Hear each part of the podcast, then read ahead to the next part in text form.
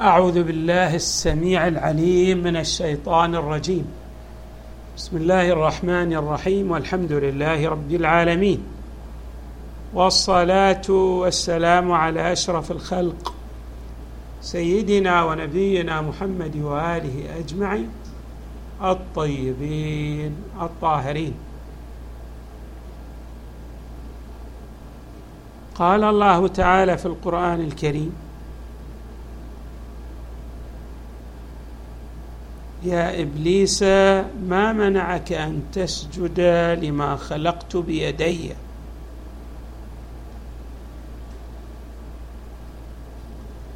ورد ذكر اليد متعددة في آيات من القرآن الكريم. ومن هنا لا بد أن نعرف أن الله تبارك وتعالى ليس له جسم. يعني أن الله تبارك وتعالى ليس بجسم. كي يشغل حيزه فهو خالق الأشياء. والأشياء لا تشبهه وهو لا يشبهها. وإطلاق اليد على الله تبارك وتعالى في القرآن الكريم. جاء بمعنى القدرة. بمعنى أن الله تبارك وتعالى هو القادر. وقوله تعالى ما منعك أن تسجد لما خلقت بيدي أي بقدرتي وقوتي كما ورد ذلك في الروايات. ولا يكون الله تبارك وتعالى له جزء من جسمه كالإنسان نسميه يد. لا بد أن ننزه الحق تبارك وتعالى عن ذلك. لو كان الله تبارك وتعالى يتكون من أجزاء يعني له رجل وله يد وله وجه لكان بعض أجزائه يحتاج إلى بعضها الآخر وهذا يدلل على الفقر وليس الغنى. والله تبارك وتعالى هو الغني المتعال. وقد صرحت الروايات بذلك بالإضافة إلى أن إطلاق اليد بمعنى القوة في لسان العرب يعني في التعامل أهل اللغة العربية. من الأمور البينة الواضحة من يرجع إلى استعمال اليد سيجد أن من استعمالات اليد لغة أنها تأتي بمعنى القوة وبمعنى القدرة وأيضا تأتي بمعنى النعمة. في قوله تعالى واذكر عبدنا داود ذا الأيد يعني في أحد التفاسير أو طبعا لكل آية أكثر من تفسير.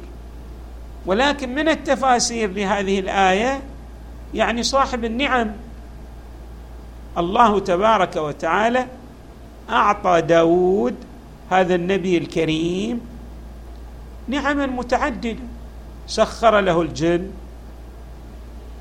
جعله يحمل جيشه على بساط الريح يستطيع أن يتحدث أو يعرف لغات بعض الحيوانات أو بعض الطيور كالهدهد ولعله يعرف اللغات للطيور والحشرات. وهذه المكنة هي من نعم الله تبارك وتعالى على سليمان وداود. على كل منهما على داود وسليمان. يعني الله تبارك وتعالى أعطى هذه القدرات لكل واحد من هذين النبيين. لكن الايه ذكرت طبعا داود اللي هو والد سليمان عليهما السلام. واذكر عبدنا داود ذا الأيد. يعني الذي أنعمنا عليه بنعم كثيرة. انظروا إلى هذه الرواية الواردة عن إمامنا الباقر. أو استمعوا. انظروا يعني اقرأوها في مصادرها. الإمام عليه السلام يقول اليد في كلام العرب القوة والنعمة.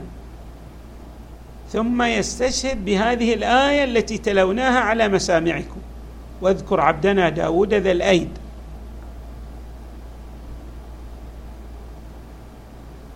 وممكن أن نجعلها أيضا هذه. نفس الآية. أي نجعلها أن داود عنده قدرات متعددة. يعني ممكن أن نحمل الآية على أن الله آتاه نعما متعددة ويمكن أيضا أن تحمل الآية على قدرات متعددة آتاها الله لهذا النبي الكريم. ولكن في آية أخرى واضحة بأن اليد جاءت بمعنى القوة وهي قوله تعالى والسماء بنيناها بأيد يعني بقدرات. الله تبارك وتعالى يعني أوجد هذا الوجود السعي للسماوات بقوته وقدرته اللامتناهيه وكذلك في قوله تعالى يد الله فوق أيديهم. بمعنى أن الله تبارك وتعالى قدرته هي المهيمنة على جميع قدرات الخلائق.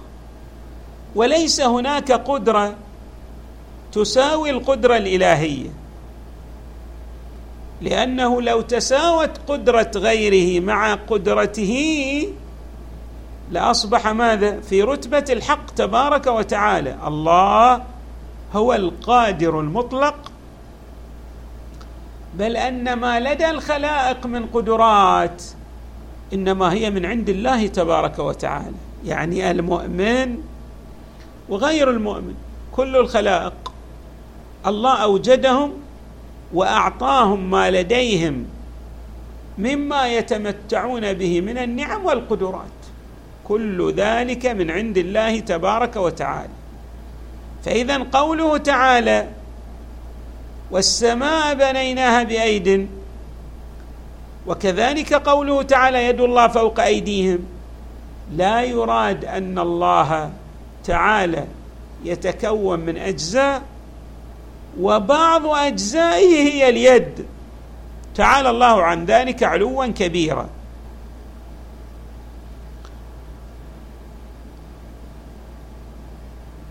الآيات إذن غاية في وضوح في وضوحها.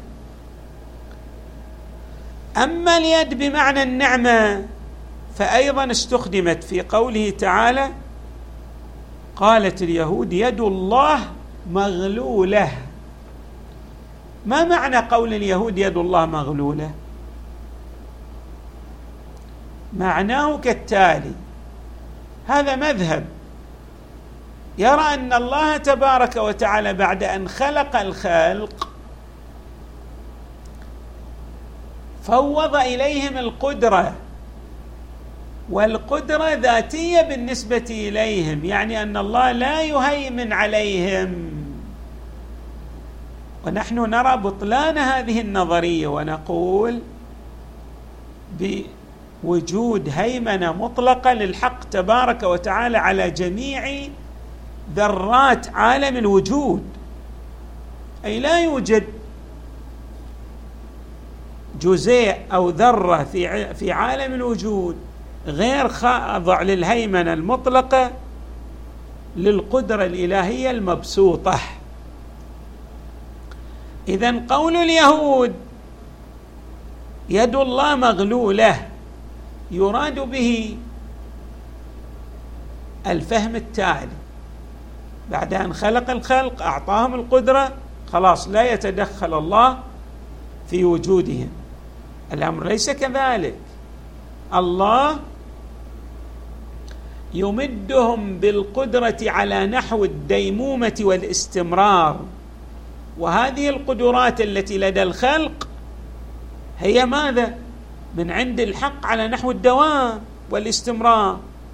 ولو أن الله تبارك وتعالى قطع مدده عن الخلق لسلبت هذه القدرة من عند الخلق. ولذلك الله تبارك وتعالى رد على اليهود. قال غلت أيديهم ولعنوا بما قالوا بل يداه مبسوطتان. يعني أن الله تبارك وتعالى له الهيمنة المطلقة وله القدرة التامة والشاملة لجميع مفردات عوالم الوجود طيب اذا هنا معنى قوله تعالى أن في الآية المباركة بل يداه مبسوطتان ينفق كيف يشاء يعني ليس كما تصور اليهود أن الله تبارك وتعالى بعد أن خلق الخلق فوض إليهم القدرة فعزل نفسه عن التصرف في وجودهم. الأمر ليس كذلك. بل هو مبسوط القدرة مهيمن على ذرات عوالم الوجود وليس لوجود أي موجود قدرة من دون المدد الإلهي. من دون المدد الإلهي. يعني مجرد أن الله تعالى يقطع مدده يتحول كل قادر إلى عاجز غير قادر بل ينتهي في وجوده. إذا اتضح هذا المعنى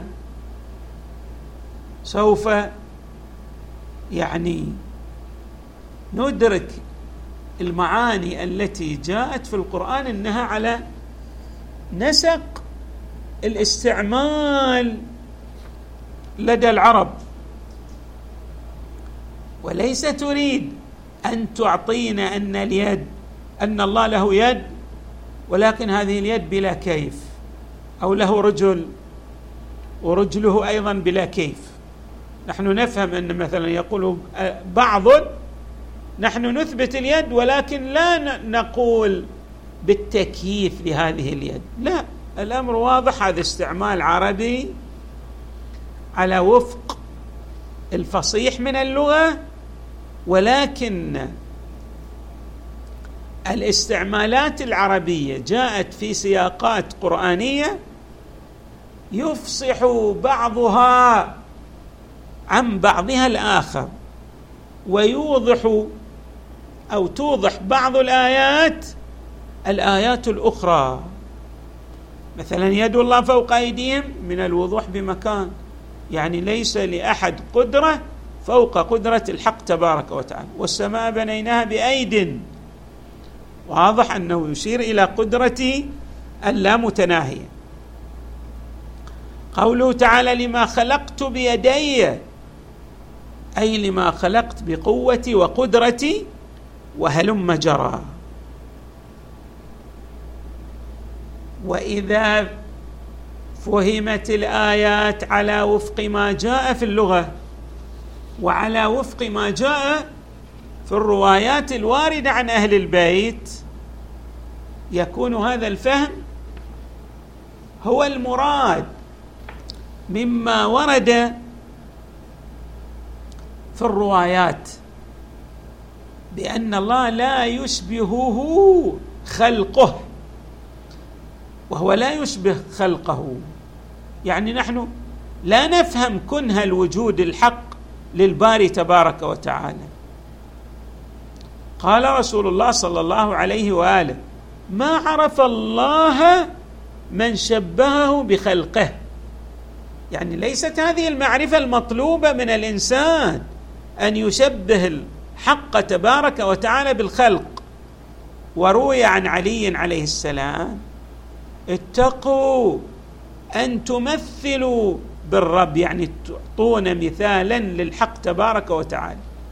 الذي لا مثل له أو تشبهوه من خلقه أو تلقوا عليه الأوهام أو تعملوا فيه الفكر وتضربوا له الأمثال. أو تنعتوه بنعوت المخلوقين.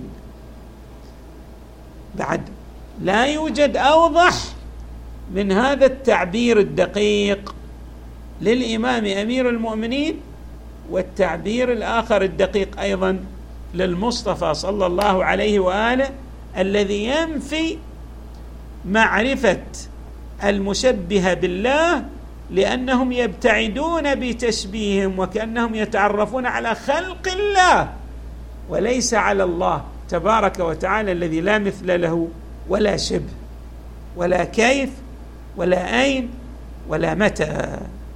نسأل الله تبارك وتعالى أن يجعلنا من الذين يفقهون معاني آية القرآن الكريم على وفق ما جاء من الروايات. عن المصطفى صلى الله عليه وآله وعن أهل البيت عليهم السلام والحمد لله رب العالمين وصلى الله وسلم وزاد وبارك على سيدنا ونبينا محمد وآله أجمعين الطيبين الطاهرين